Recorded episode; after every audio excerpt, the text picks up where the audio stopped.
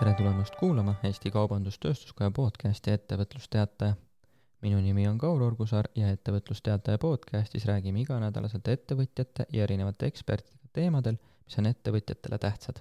tänases saates on külas ettevõtja Mihkel Tammo, kes on silma paistnud nii oma Ketsi kollektsiooniga kui ka noorusliku tippjuhina. hiljuti lahkus Mihkel pereettevõtte S-Tank juhi kohalt ning asus edendama rohetehnoloogia valdkonda ning eest vedama Rohetiigrit sellest, kuidas oli pereettevõtet noore alustava juhina üle võtta, viis aastat hiljem uuele juhile edasi anda ning mis asi on rohetehnoloogia ja kuidas Rohetiiger meid paremasse tulevikku aitab, saatest kuulemegi. head kuulamist! tere, Mihkel! tere! sa võtsid Estanki juhtimise üle kahekümne seitsme aastaselt. kuidas oli sellel hetkel pereettevõtet üle võtta? minul isiklikult oli see nagu isegi juba tollel hetkel küllalt noorena nagu kaua oodatud et ma pigem sain päris noorelt aru äh, umbes teismeeas, et see juhtimise teema leidis ennast äh, kuidagi minu jaoks, et ja sellest hetkest oli see selles mõttes kirg ja soov ja püüdlus, et et tegelikult juba sinna jõudes ma kogusin oma elus äh, iseenda silmis kogemusi, et oleks valmis nagu juhtima. Ja, ja tegin näiteks oma korvpallimeeskonda kuus-seitse aastat,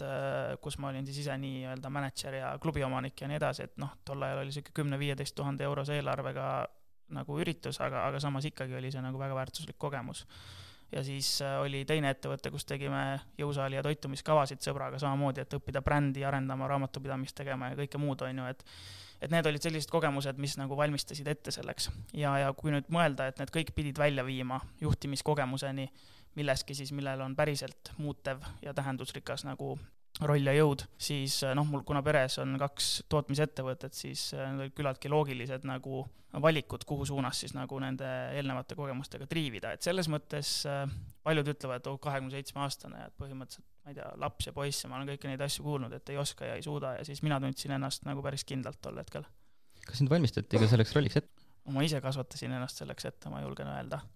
et et äh, mul oli nagu kogu aeg selline oma nägemus, et ja ma tegin neid otsuseid nagu selle järgi, et, et ma siiani nagu, ma ei hoople sellega, aga ma ütlesin, minu jaoks formaalne näiteks haridus ei ole oluline, et ma käisin kolm aastat tipis ära, aga IT2 ja lõputöö jäi nagu isegi baka mõttes tegemata, et ütlesin, see ei ole mulle oluline, ma tahtsin saada oskusi, on ju, ma olen lugenud raamatuid, äh, suhelnud teiste juhtidega ja valmistanud ennast justkui ise ette. ja, ja pere ei teinud mulle selleks mingeid takistusi tegelikult, et kõik, mis ma soovisin, ma nagu sain sel teel aga kui hakkasid üle võtma, siis pere ei öelnud sulle, poiss, vaid võeti nagu hea meelega vastu ja sinu soovi, entusiasmi seda teha? ei no eks seal oli ka kindlasti veenmist, sellepärast et see on, ma arvan, ka normaalne olla umbusklik selle suhtes, et sa ise tead, mis sa suudad, aga kui tihti sulle ümberringi nagu teised seda nagu täpselt näevad, on ju. aga noh, lõppkokkuvõttes äh, see asi päädis sellega, et see usaldus anti, nii et selles mõttes ma saan öelda, et äh, ikkagi usuti.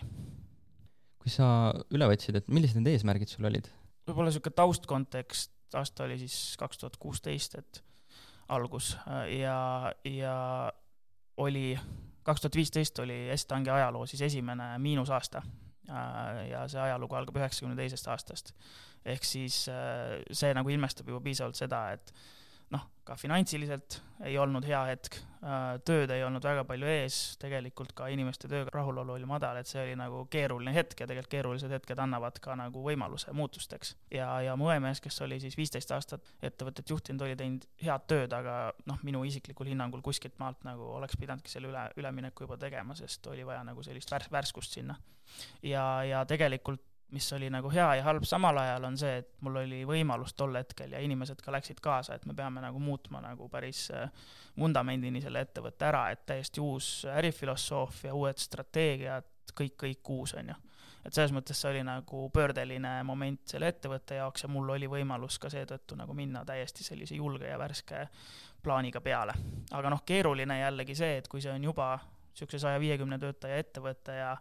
ajaloo ja pagasi ja arvamustega ja kus ongi, enamus on niisugused insenerid ja, ja kogenud ja kõrgel tasemel inimesed, siis tulebki see kahekümne seitsme aastane poiss sinna tegema, siis see usalduskrediiti ei ole, vastupidi, see on negatiivne, et siis on vaja see nagu võita, ehk siis neid samme sa ei saa hakata tegema, ei saanud hakata tegema nii, et ma lähen ja hakkan lahmima, vaid ikkagi nagu väikeste läbimõeldud nagu liigutustega, et see meeskond tuleks kaasa oli nagu vastusurvet ka tunda sulle?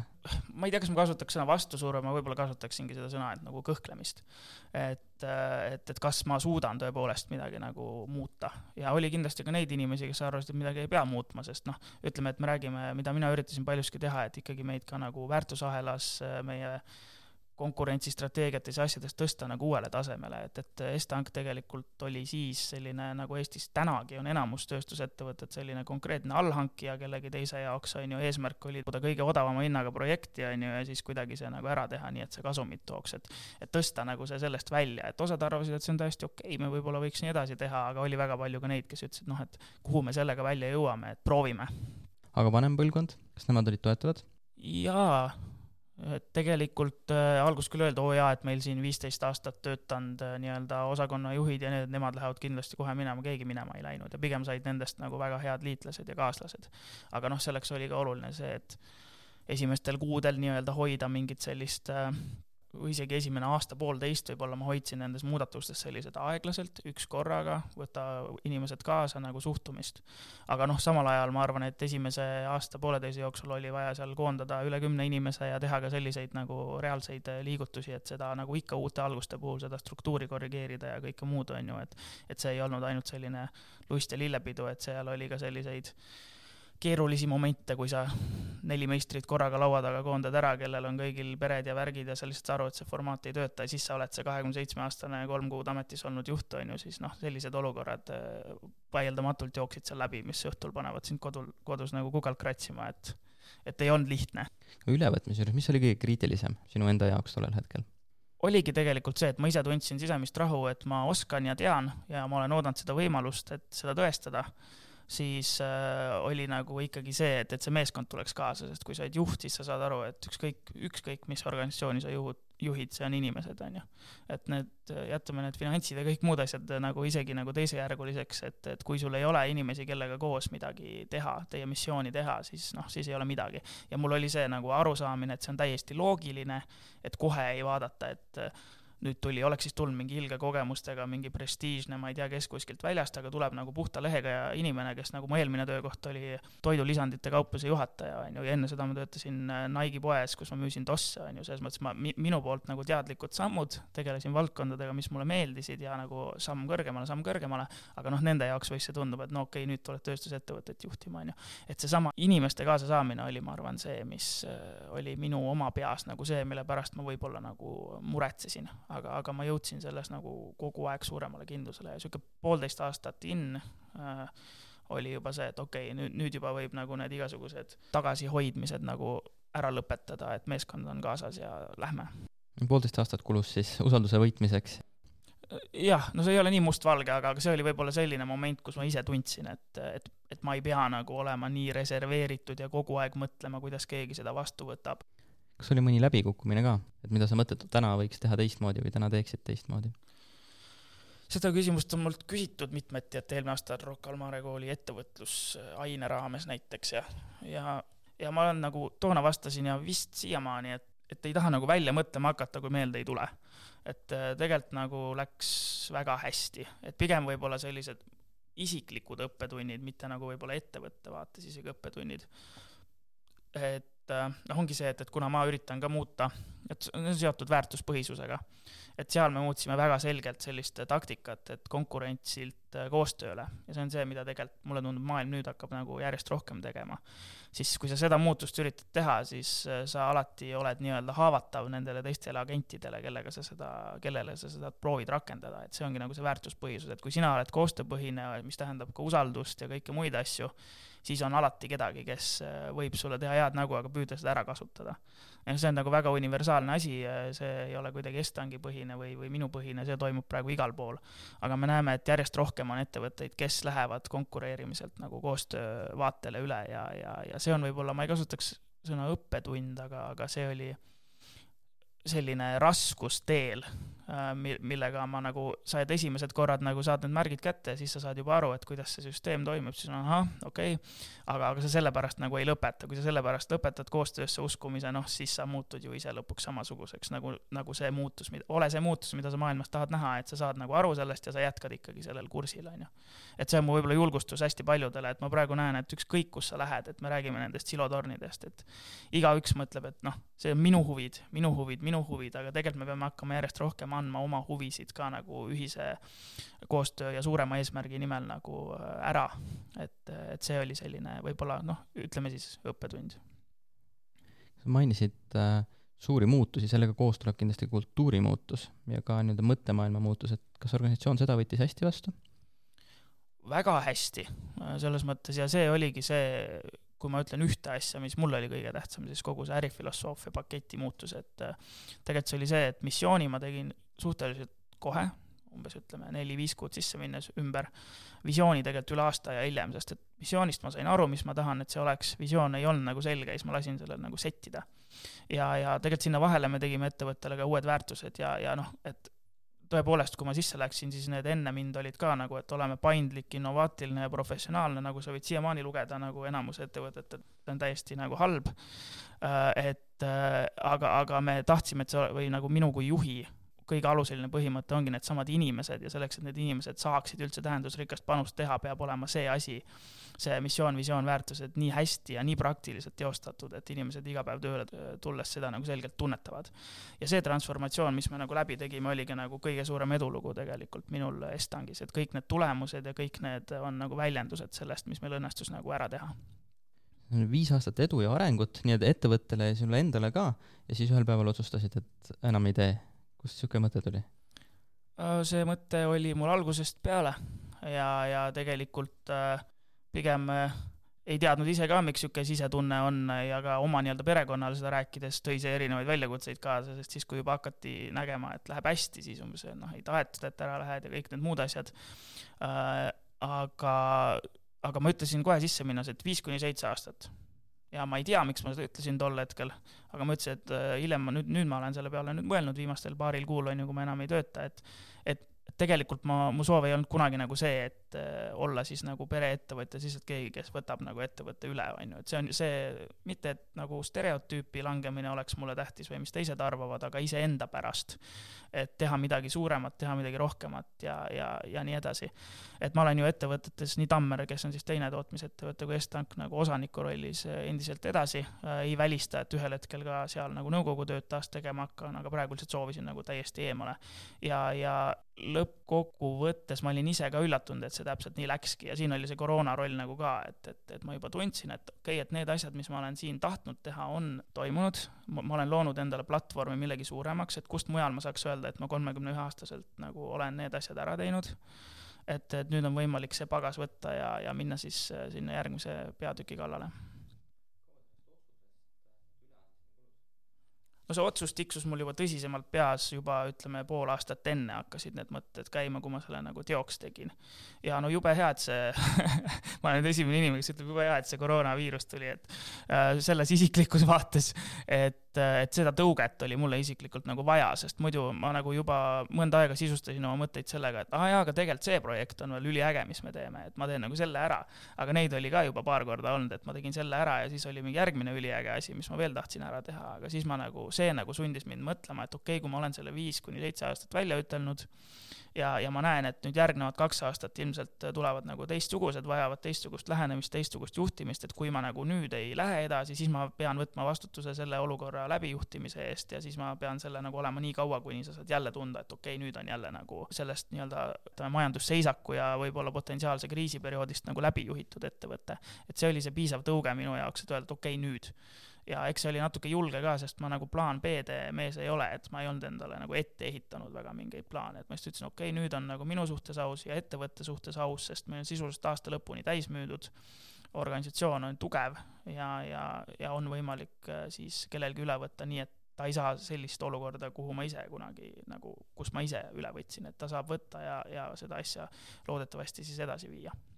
sa räägid, et sa tegelikult alguses juba enda jaoks sihi seadsid, et kas sa valisid kogu aeg ka uut juhti niimoodi mõttes, et kes võiks üle võtta? nii ja naa, selles mõttes tundes vastutust, et loomulikult, et sa ei saa ära minna ja jätta nagu mitte midagi, et, et, et ikka ja selles mõttes Priit, kes üle võttis, ta umbes poolteist aastat enne ma kutsusin ta ise isiklikult ettevõttesse mulle paremaks käeks. et seal olidki nagu ka muud omakasupüüdlikud eesmärgid, sest ma soovisingi rohkem töötada nagu visiooni ja strateegiate ja, ja inimestega ja vähem sellise igapäevase peavaluga, on ju, et ta tuli nagu igapäevase peavaluga tegelema, mis on alati juhtimises kaks poolt, on ju, see eestvedamise ja haldamise pool selles juhtimises, et ta tuli seda haldavat juhtimist tegema.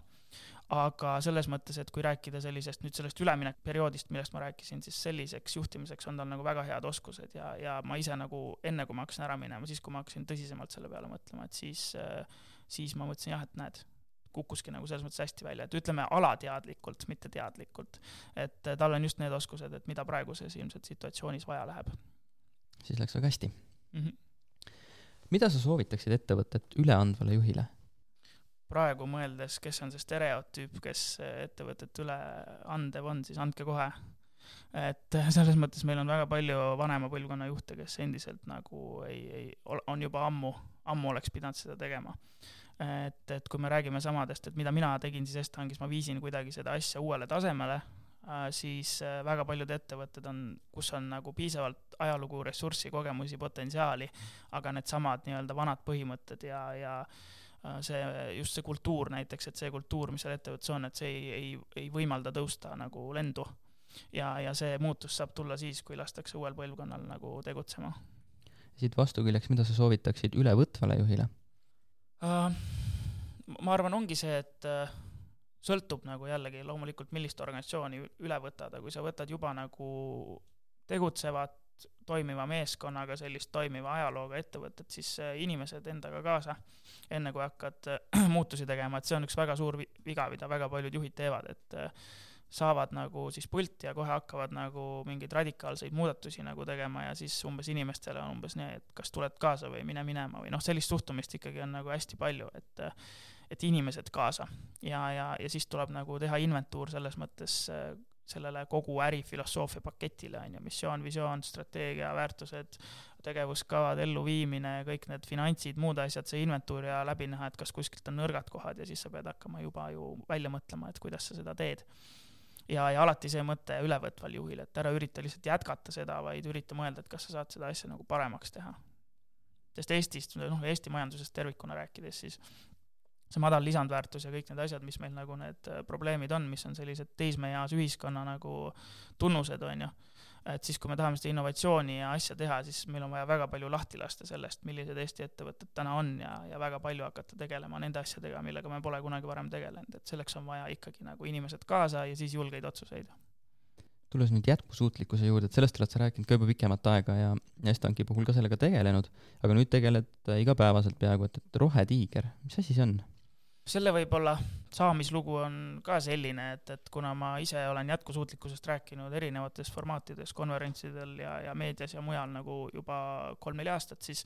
see arengu öö, kuidagi välp oli selline, et alguses, kui ma rääkisin, siis mitte kedagi isegi nagu ei huvitanud see, et, et noh, mida sa räägid. siis ühel hetkel hakkas tulema nagu kriitikat, on ju, selle kohta, siis said aru, et okei okay,, mingi muutus hakkab toimuma, et hakatakse seda nägema nagu ohuna staatus quo suhtes, on ju. ja siis nagu eelmisel aastal, nagu ma ütlesin, hakkas siis juba nägema, et okei okay,, jää hakkab sulama ja nagu väga paljud, kes selle, selles valdkonnas nagu kestliku arenguga tegelevad ja nende teemade peale mõtlevad, hakkas nagu tulema, et okei okay,, nüüd võib nagu minna nagu asjaks, on ju, et hakkab midagi muutuma uh,. siis uh, tegelikult eelmine aasta ühel koosviibimisel meie selline nõustamispartner oli Susti Neere tol hetkel, nende niisugusel tänuõhtul me siis kuulsime esimest korda Rohetiigri mõtet, see käidi seal välja ja siis noh, mul oli kohe nagu see, et okei okay,, see on see, mida mina olen nagu oodanud, et, et hakata tegema laiemat ühiskondlikku panust. aga see on alati niisugune keeruline asi, et, et kui sa tahad seda teha, et, et kuidas ma nüüd nagu sellega pihta hakkan, on ju. siis nende nagu see taust on just see, et nad on seda maailmakoristust teinud ja, ja väga suurt Eest-, noh, ma arvan, enam suuremat projekti polegi Eestist keegi kunagi teinud, on ju, kui see maailmakoristus globaalses vaates et, et sellised vajalikud nagu kompetentsid ja kogemused neil, et saaks nagu selle asja käima lüüa, olid nagu kohe nagu näha. siis hakkaski mul nagu järjest tõsisemalt see mõte ka, et okei okay,, et et minu eesmärk ongi olnud kogu aeg, et nagu see mõju kasvaks, minu tegevuse mõju kasvaks. Ja kui ma räägin nagu ühest ettevõttest, ühest tööstusettevõttest, ühest pereettevõttest, siis äh, mu soov ongi olnud, et see nagu muutuks laiemaks. Ja kui ma nagu seda mõtet kuulsin, siis ma kohe ütlesin, et kuule, me tahame siin kaasa lüüa, et alguses päädis nii, et nad tulid meile külla ja Estank sai seal nagu ka oma rolli no, majanduskogu liikmena ja nii edasi aga selles mõttes nad said hästi aru, et tol samal päeval meil ei olnud mingeid kokkuleppeid, aga kui ma sisuliselt ütlesin, nagu tuli see uudis välja, et ma nagu lahkun Estangist, siis nad helistasid ise mulle ja, ja, ja ma arvan, et mul on täpselt samamoodi sinna väga oluline panus anda just sellise praktiku kogemus ja, ja selle poole pealt, mida võib-olla neil inimestel on nagu vaja juurde. selles mõttes äh, oli niisugune loomulik äh, kohtumine. ja, ja mis siis nagu Rohetiiger on, et tegelikult meil on kakskümmend seitse august on selline suur avalöögipäev, et toimub Rocca al Mare koolis ja selline meediasündmus ja kõik muud asjad. aga, aga sisuliselt, mis ma praegu võiks öelda ainult meie visiooni välja, mis on siis kestlik maailm, mis säilitab ühiskonna heaolu, mis on oluline, samal ajal loodust hoides ja taastades et noh, see on selline suur ja ümmargune nagu visioon, aga, aga see annab selle ikkagi nagu selle eesmärgi edasi ja ja pigem võib-olla paari projekti läbi isegi käsitleks seda. kolm sellist asja, millega me juba tegeleme, et üks on siis majanduskogu, mis käib koos ja sõnastab Eestile uut majandusvisiooni, mis oleks siis kestlik majandusvisioon ja, ja seal on tegelikult koos nagu noh, kui mina esimest korda sellel koosolekul istusin, Alexelas siin Rotermanni kvartalis mitte kaugel, siis ma imestasin, et vau, et Eestis on nii palju mõjuvõimu istub nagu ühes ruumis, et selles mõttes seal oli Eesti suurimate ettevõtete omanikud ja juhatuse liikmed, kes siis nagu omavahel rääkisid äh, nendest teemadest ja leppisime kokku, et me hakkame võtma nagu kolmteist teemat nagu läbi ja kujundame kõikides nagu ühise arvamuse, et noh, paar näidet lihtsalt, et siin startup maailmast Bolt on ju, Alexela, Coop, LHV Pank, Graanul Invest ja nii edasi, kes seal kõik äh, koos on äh, käinud ja, ja, ja, ja nii edasi. et täna me käime nende nagu istumistega koos ja võtame neid teemasid läbi ja ma arvan, et siit tuleb ikkagi oluline sisend lõpuks Eesti riigile. teine sellega seotud teema on selline rahva kliimakogu siis, et inimesed hakkaks nagu demokraatia edendamise vormis ka nagu, et erinevad sihtrühmad ütleksid oma arvamuse välja. et see on üks projekt, mille kallal me töötame ja see on niisugune huvitav asi. aga kaks võib-olla kõige põnevamat asja, millega me juba tegeleme, on, üks on pilootprogramm siis, kus me oleme kaasanud siis äh, viisteist organisatsiooni, kes siis peaksid järgneva pooleteist aasta jooksul läbima Rohetiigri Akadeemia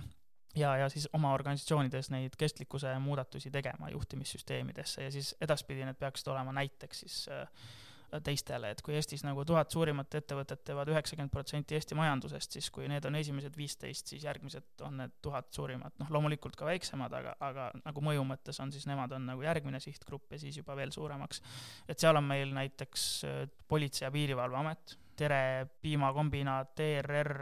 Tallinna Sadam ja nii edasi ja nii edasi, viisteist organisatsiooni ka, Rocca al Mare Kool näiteks ja teised, ehk siis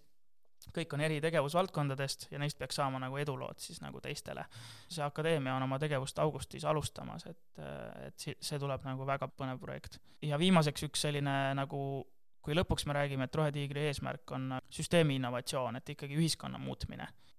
siis äh, üks projekt, millega me tegeleme, oleme algust teinud ja tahame kõvasti edasi edendada, on keskkonnamõju ühiku selline väljatöötamine. ja seal on juba, see osales ka Accelerate Estonia programmis, äh, et seal on juba tehtud selline arusaam, et mida on vaja riigil teha, et tekiks ühtne andmekorjamisvõimalus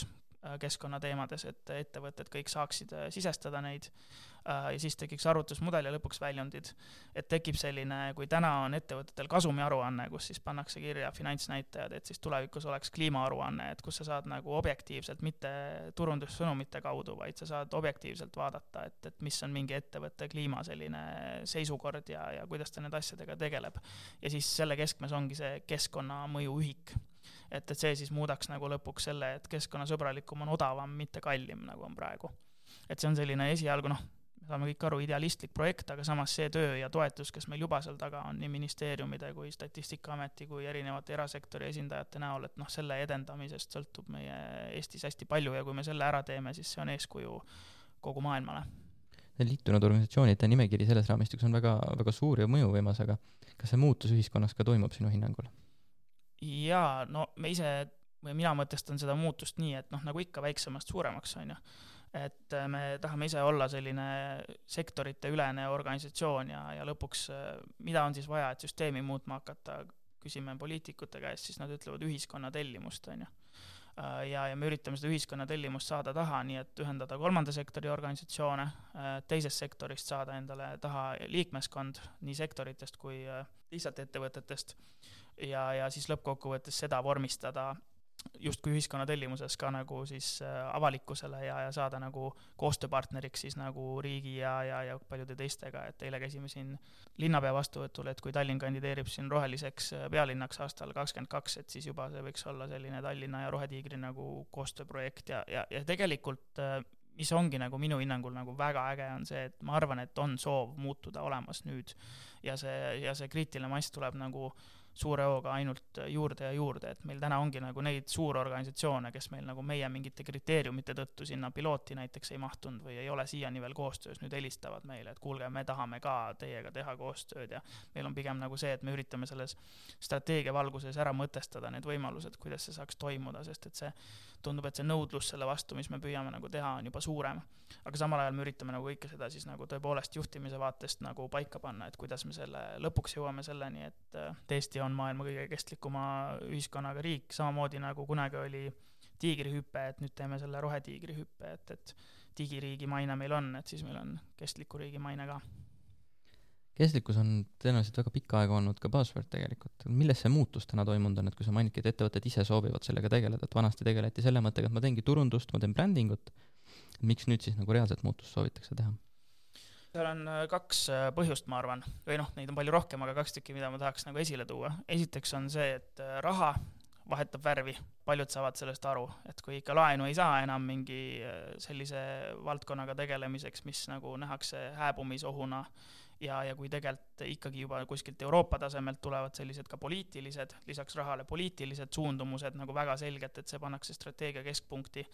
mis hakkavad nagu siia nii-öelda ülevalt alla tulema, siis need on nagu need asjad, et kui, kui sellest saavad aru nii-öelda kõik, kes osalevad siis turgudel, et, et, et need asjad hakkavad mõjutama seda, kuidas see käekäik nagu läheb, on ju. ja noh, tegelikult isegi kõige tähtsam on nagu lõpptarbijate suhtumise selline muutus, et see kriitiline mass on taha tulnud, et küsitaksegi juba päriselt, et kui ma sõidan laevaga Helsingist Tallinnasse, et mis selle laevasõidu keskkonnamõju on ja kui ma lendan kuskile ja, ja ja need asjad, mis kõik üheksateist aastal nagu pauguga nagu meediasse tekkisid, et ma arvan, kõik ettevõtjad Äh, ja, ja tegelikult ka poliitilised erakonnad tajuvad nüüd seda survet, et sellest hakkab nende tulemus äh, sõltuma. Et mind on siin üritanud äh, vist peaaegu kõik erakonnad nüüd nagu värvata pärast seda, kui ma ära tulin, siis nagu paljudel nende huvi ongi see, et, et järgmised nagu valimised on, kliimateema on see nagu, millega siis nagu võidetakse või kaotatakse need valimised, on ju. ma ütlesin, noh, tore, tegelikult olid juba eelmised, aga siis keegi ei saanud sellest aru, on ju. aga nagu ikka, poliitikud saavad viimasena aru. aga, aga nüüd on selle, see arusaamiseni nagu jõutud ja nüüd on see soov ka neid muutusi teha nagu minu hinnangul ikkagi nagu olemas ja, ja need teemad võtta endale nagu prioriteetideks ja, ja, ja neid edendada, nii et noh, kui võtta just sellise läbilõikena, et kas nüüd on piisavalt paljud kaasas ühiskonna vaates, et need muutused ära teha, siis ma arvan, et on. nüüd on lihtsalt küsimus selles, et seda tuleb nagu targalt teha ja ma, ma arvan, et me Rohetiigriga nagu oleme selles mõttes unikaalne kombinatsioon kokku langenud juhustest ja et, et sellega on valmis väga paljud osapooled koos töötama, et sellest maailmakoristusest on tulnud väga palju usalduskrediiti ja, ja erinevad osapooled, et ustest sissesaamine ei ole probleem ja koostööde nagu vormistamine on läinud nii hästi, et ise ka ei usu, et selles mõttes ma arvan, me teemegi ühe suure muutuse Eestis. sul on kindlasti teisi projekte ka käsil, et äkki sa tutvustad neid ka?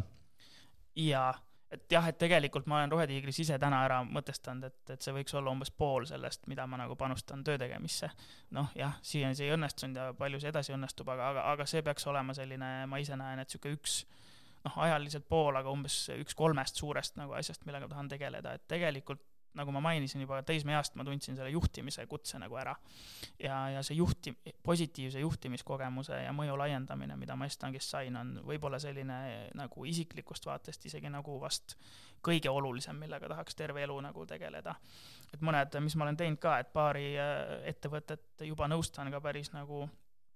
tõsiselt ja, ja oleme alustamas juhtimisklubi ühe siis äh, teise juhtimiskonsultandi Elar Killumetsaga, kes nagu minul Estangi ajast oli nagu omal üks lemmik, sest et kui sa nagu otsid juhtimiskonsultanti, kes ei räägi sulle seda päris nagu pinnapealset juttu, vaid nagu läheb sügavamale, siis tema jäi mulle nagu meelde ja nüüd me hakkame koos tegema Eesti juhtidele niisugust juhtimisklubi. Ja, ja lõppkokkuvõttes tegelikult, kui ma Estongist ära tulin, siis hõigati välja, et et nagu rohetehnoloogiaid arendama, siis see on ka üks asi, mis on nagu jõudmas päris käegakatsutavaks, need läbirääkimised on siin kestnud ja, ja ilmselt varsti saab selle kohta uudiseid anda, et me tahame nagu välja selgitada, kas me suudame Eestis selle süsiniku kinnipüüdmise, hoiustamise ja kasutuse vallas nagu äh, midagi suurt ära teha. et seal see tung ja sundus sai alguse tegelikult Estangist ka, et kui meil oli Skruberi turg, kus oli meie üks põhiturg ja see oli keskkonnanõuetest tekkinud turg ja me näg-, ja ma nägin, et kui mina nagu läksin sinna tööle, siis oli natuke hilja seda juba nii-öelda oma tootestada või seda turgu kujundada, sest need tooted olid teiste poolt olemas, siis kui me vaatame praegu seda süsiniku kasutamise võimalusi, siis see on nii toores ja paljud ütlevad, et see ei tasu veel nagu rahaliselt ära. aga tegelikult ma arvan, et see on just see Eesti võimalus, et ilmselt mõnda aega tagasi öeldi tuulikute ja, ja ma ei tea, päiksejaamade kohta sama, on ju. Et kui me nüüd tõmbaks Eestis ka nagu sellise konsortsiumi erinevatest äh, ettevõtetest kokku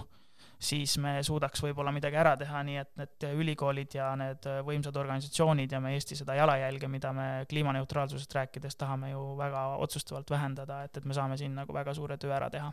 Et see on üks projekt, millega on plaan kohe-kohe alustada, kohe-kohe ka nagu välja hõigata, kes sinna siis niisugused esimesed panustajad on ja kuhu see jõuab ja, ja see on teine asi, millesse ma väga usun. et see on tegelikult ka seotud kestlikkuse ja eks siin on Rohetiigriga piisavalt palju riimumist, et kuidagi see tuntus, mis mul Estangist nagu tuli, et see leiab nagu oma jätkurakendust. et need on sellised põhilised, aga tegelikult disainin ka mitmete juhtimiskonsultatsiooni organisatsioonide tegevusse disainime nendega koos sellist lisandväärtust, et kes on tegelenud äh, tehnilise nõustamise, näiteks protsessi nõustamisega või, või millegi sellisega, siis nad tihti ütlevad ka, et nad võivad seda protsessi nõustada, aga kui juht lõpuks aru ei saa, siis on see üsna mõttetu. et äh, oleme tegemas selliseid koostööprojekte mitmetega, et, et kus võiks ühendada see juhtimise nõustamine ja tehniline nõustamine, et kokkuvõttes need ettevõtted võiksid päriselt muutuda nagu paremal tasemel ettevõteteks. et siin mitu koostööpunkti praegu käib ja ma hõikan need ka välja siis, kui, kui need on välja töötatud ja, ja on aeg selge, aga suur aitäh, Mihkel, sulle selle kiire ülevaate eest äh, pereettevõtete maailma ja, ja päris sügava ülevaate eest isegi siis rohetehnoloogiatesse ja tasakaalumajandusse. et äh, järgmiste kohtumisteni! aitäh sulle, kõike head!